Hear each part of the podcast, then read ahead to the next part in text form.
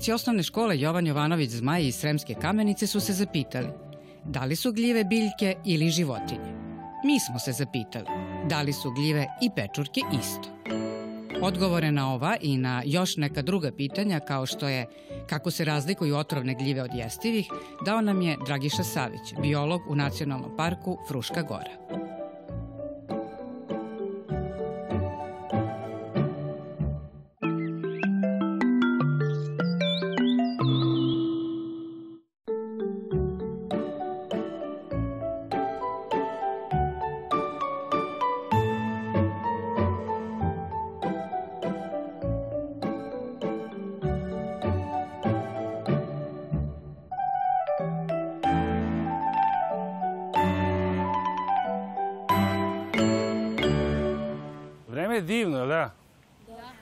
Jeste, vlažno, ali još uvijek nedovoljno hladno. Idealno za gljive. Znači, oni koji vole gljive, koji vole da šetaju i da traže po šumi gljive, raduju se kad pada kiša. Jer gljive se najviše pojavljuju u prirodi kad je dovoljno vlažno, ne vole da je, suvo, i dovoljno toplo. Znači njima svetlo ne znači puno, ali vlaga i temperatura im je najvažniji. Zato njih najviše ima u jesen. Ima ih naravno tokom cele godine, ali u jesen je ono eksplozija gljiva, svuda ih ima. Došli ste da malo, sad, da malo šetamo kroz šumu, da, da naučite nešto o gljivama, a pre toga recite mi o kojoj školi ste, koji ste razred? Mi smo iz škole Jovan Jovanović Zmaj Sremske kamenice. Pošto vi živite u Kamenici, a to je jako blizu prve šume, odnosno nacionalnog parka, pretpostavljam da ste puno puta šetali po šumi, videli puno toga, pa samim tim i gljive, ali i da puno znate o gljivama, tako? Da. Ali sigurno ima nešto što vam nije baš jasno i što bi volili da pitate. Da. E, pa tu smo sad da razjasnimo sve ono što bi volili da znate, a niste imali koga da pitate. Zašto su gljive odvojene u posebno carstvo? Pa vidi, na zemlji živi ogroman broj raz, ra, veoma različitih živih bića. I ona se ne dele na biljke, životinje i gljive to ih je čovjek podelio. Odnosno, čovjek je smislio da bi mogao sva živa bića da grupiše u neke grupe, da bi ih lakše istraživao, lakše posmatrao, pratio, radio sa njima. I ranije, kad je počeo da pravi takozvanu sistematiku, onda je sve živa bića podelio u biljke i životinje. I onda je došlo do toga gde da stavi gljive. Kako da stavi gljive, nemaju hlorofil, znači ne bi trebalo da su biljke, a opet ne mogu da se kreću Ne bi trebalo da su životinje. I gledajući neke druge karakteristike, oni su tu negde između biljaka i životinja. Ali su ih prvi istraživači smestili u biljke. Više su im ličile na biljke. Ali kasnije, kako je, su istraživane, kako se sve više e, otkrivalo i ono što je, ne samo ono što se vidi, nego i ono što je u njima, anatomija, fiziologija i tako dalje, istraživači su shvatili da je najbolje da ih odvoje u posebno carstvo. Vi ste učili ili ćete tek učiti podelu bilj, živog sveta na carstva. Trenutno ima pet carstava, znači biljke, životinje i gljive i oni najjednostavniji to su protiste i monere. Ali o tom potom. Znači, gljive su po anatomskim, fiziološkim, morfološkim, negde između biljaka i životinja, odnosno dovoljno se razlikuju i od jednih i od drugih da ne mogu da budu ni biljke ni životinje, nego su zasebno carstvo. Koja je uloga gljiva u prirodi? Sva živa bića na zemlji, da tako kažem, su međusobno povezana. Ili direktno ili direktno, ili sarađuju ili ovaj, zavise jedni od drugih. I ne mogu jedni bez drugih praktično. I svako ima neku svoju ulogu, može se tako reći. Biljke koje vrše fotosintezu i proizvode organsku materiju, oni, to im je ključna uloga. Životinje ne mogu da proizvode materiju, oni se hrane biljkama. Ali opet životinje ne mogu da pojedu sve delove biljke, znaš što drvo. Drvo je vrlo specifično i životinje ne mogu da vare drvo. E, tu na scenu stupaju gljive. Gljive mogu. Tako da je njihova glavna uloga da razgrađuju organsku materiju. Oni naravno nisu glavni razlagači, ali bez njih bi se svuda po šumi drvo samo gomilalo. I možemo da zamislimo kako bi to izgledalo recimo nakon 100 godina da nema gljiva. Drveće do padne i ostane. Nikoga ne bi pojao i samo bi se gomilalo, gomilalo. Znači, gljive su te koje imaju veliku ulogu da vrate tu organsku materiju u zemlju, razgrade, vrate i onda je biljke ponovo usvajaju i proizvode novu organsku materiju. Znači, to je jedan zatvoreni krug. Koliko vrsta gljiva ima na svetu, a koliko na Fruškoj gori? Gljive su veoma raznovrsno carstvo, ima jako puno vrsta. Naravno, ljudi još uvek nisu dovoljno istražili celo to carstvo. Velika je planeta Zemlja, mnoge, mnoga područja, naročito tropska, nisu još dovoljno istražene. Tako da ne možemo tačno da znamo koliko ima gljiva. Za sada znamo, odnosno oko 90.000 vrsta postoje koje su pronađene, opisane, imaju svoje ime. Ali je to samo mali deo ukupnog broja. Ljudi pretpostavljaju da je gljiva sigurno najmanje 1 milion do milion i po vrsta. Znači ima još mnogo, mnogo posla da se pronađu i opišu sve gljive. Slična je situacija i sa Fruškom gorom. Iako Fruška gora, kad pogledamo Srbiju, spada u jako dobro istražene planine. Radili mikolozi, gljivari, tražili su gljive, popisivali su ih i mi danas znamo za oko 1850 vrsta.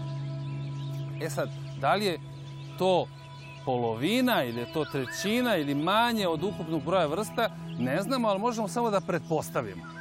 Ja sad ću da vam objasnim kako se pretpostavi koliko gljiva ima na nekom području. Pošto su sve gljive manje više vezane za biljke, onda su ljudi izračunali da na jednu vrstu biljke ide oko 5 do 6 vrsta gljiva. A biljke su najčešće dobro istražene, za razliku od gljiva. Jer imamo jako puno botaničara i oni su protekli godine popisali sve biljke i znamo da ima oko 1450 vrsta biljaka na Fruškoj gori. Ako to pomnožimo sa brojem 5, dobit ćemo da je ukupan broj vrsta koliko? 5 puta, šta sam rekao, 1500, dobijamo da ovde možemo da očekujemo najmanje 5, 6, 7 hiljada vrsta gljiva. A mi, smo, a mi za sada znamo samo za 1850. Znači ima još dosta toga. Naravno nisu to sve velike gljive. Gljive su i one male, i delić milimetra, i mikroskopske i tako dalje. Da li postoje gljive muškog i ženskog ili su sve istog pola? Pa gljive kao i biljke i životinje isto se moraju da se razmnožavaju, tako da bi nastale nove gljive.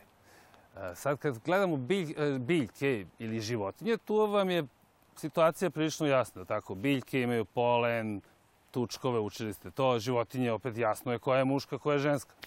Međutim, kod gljiva je to malo, iako je u principu sve isto, ali je drugačije zato što se ne vidi. Jel, gde se nalazi telo gljive? To što mi vidimo kao gljivu, to nije celo telo. Njeno telo se nalazi ili u zemlji, ili u drvetu i tako dalje. Mi u suštini ne vidimo veći deo gljive. Ali je princip isti. Isto kao i kod životinja i kod biljaka moraju da se spoje dva organizma, od kojih je jedan muški, jedan ženski, može se tako reći, iako to nije, ne, može, ne mogu se razlikovati. I onda nastane nova jedinka, nova individua i koja počinje da raste i na kraju proizvede pečurku i zatvaramo krug. Tako.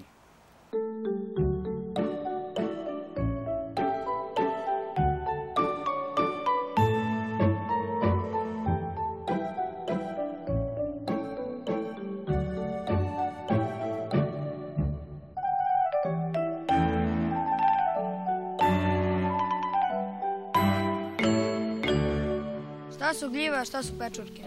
Pečurka je samo plodno telo gljive koje služi da proizvede spore i da se razmnoži. Ali ne plodno telo svih gljiva, jer gljive nisu sve iste. Imamo one male, mikroskopske, od, koje ni ne vidimo golim okom, pa one od delić milimetra, nekoliko milimetra, pa do onih krupnih. Zato se i gljive dele u niže gljive i više gljive. I sve one imaju plodna tela, ali vi znate, jer možete da vidite plodna tela ovih viših gljiva. E, ona se zovu pečurke.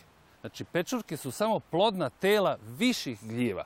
A one jednostavne gljive isto imaju plodna tela, ali ih ne vidite, jer su veoma sitne i drugačije. Da li gljive žive samo u šumama? Naravno da ne. Znači, gljive, e, rekao sam vam, gljive su, e, najveći broj vrsta gljiva su takozvani saprobi. Oni rastu na uginulim biljkama. Znači, razgrađuju ostatke biljaka ili uginulim životinjama i tako dalje.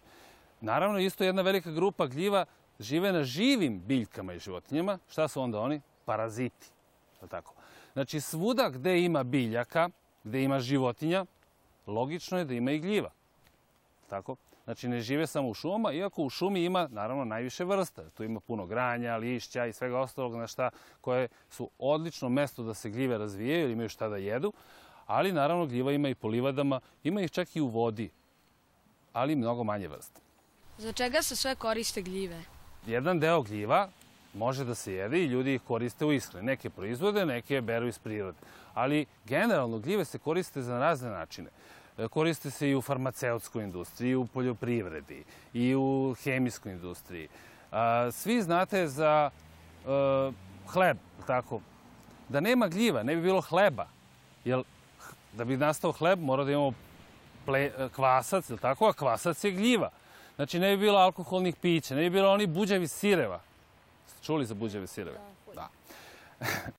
E, Zatim, e, ne bi bilo antibiotika. Odnosno, možda bi i bilo, ali prvi antibiotici su izolovani iz gljive penicilium. I tako je nastala reč penici, penicilin. Naravno, danas se anti antibiotici proizvode sintetički, ali gljive su zaslužene za otkriće penicilina. Naraz, naravno koristi na razne druge načine, ali ovo je ono najvažnija upotreba. E, to je ono što ljudi koriste, ali ima gljive su ovaj zanimljivi zbog toga što prave problem ljudima. Na primer, sva hrana kad se pokvari, nju su u stvari napale gljive. Kako se razlikuju otrovne od jestivih gljiva?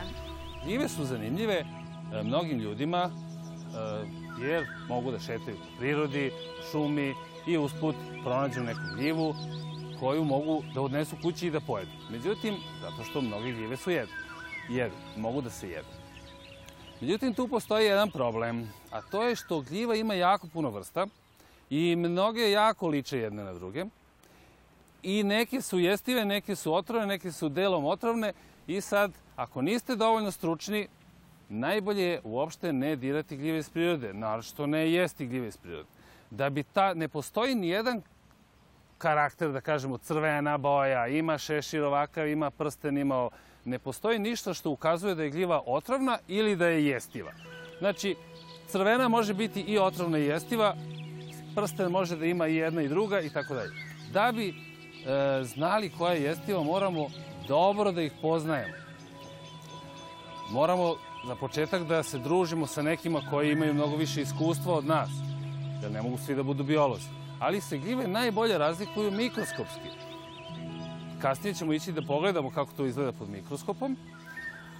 Tu se najbolje vide razlike između njima. Ovako, s polja, najbolje ih je ne dirati ili uzimati samo one za koje smo 100% sigurni da su jestive.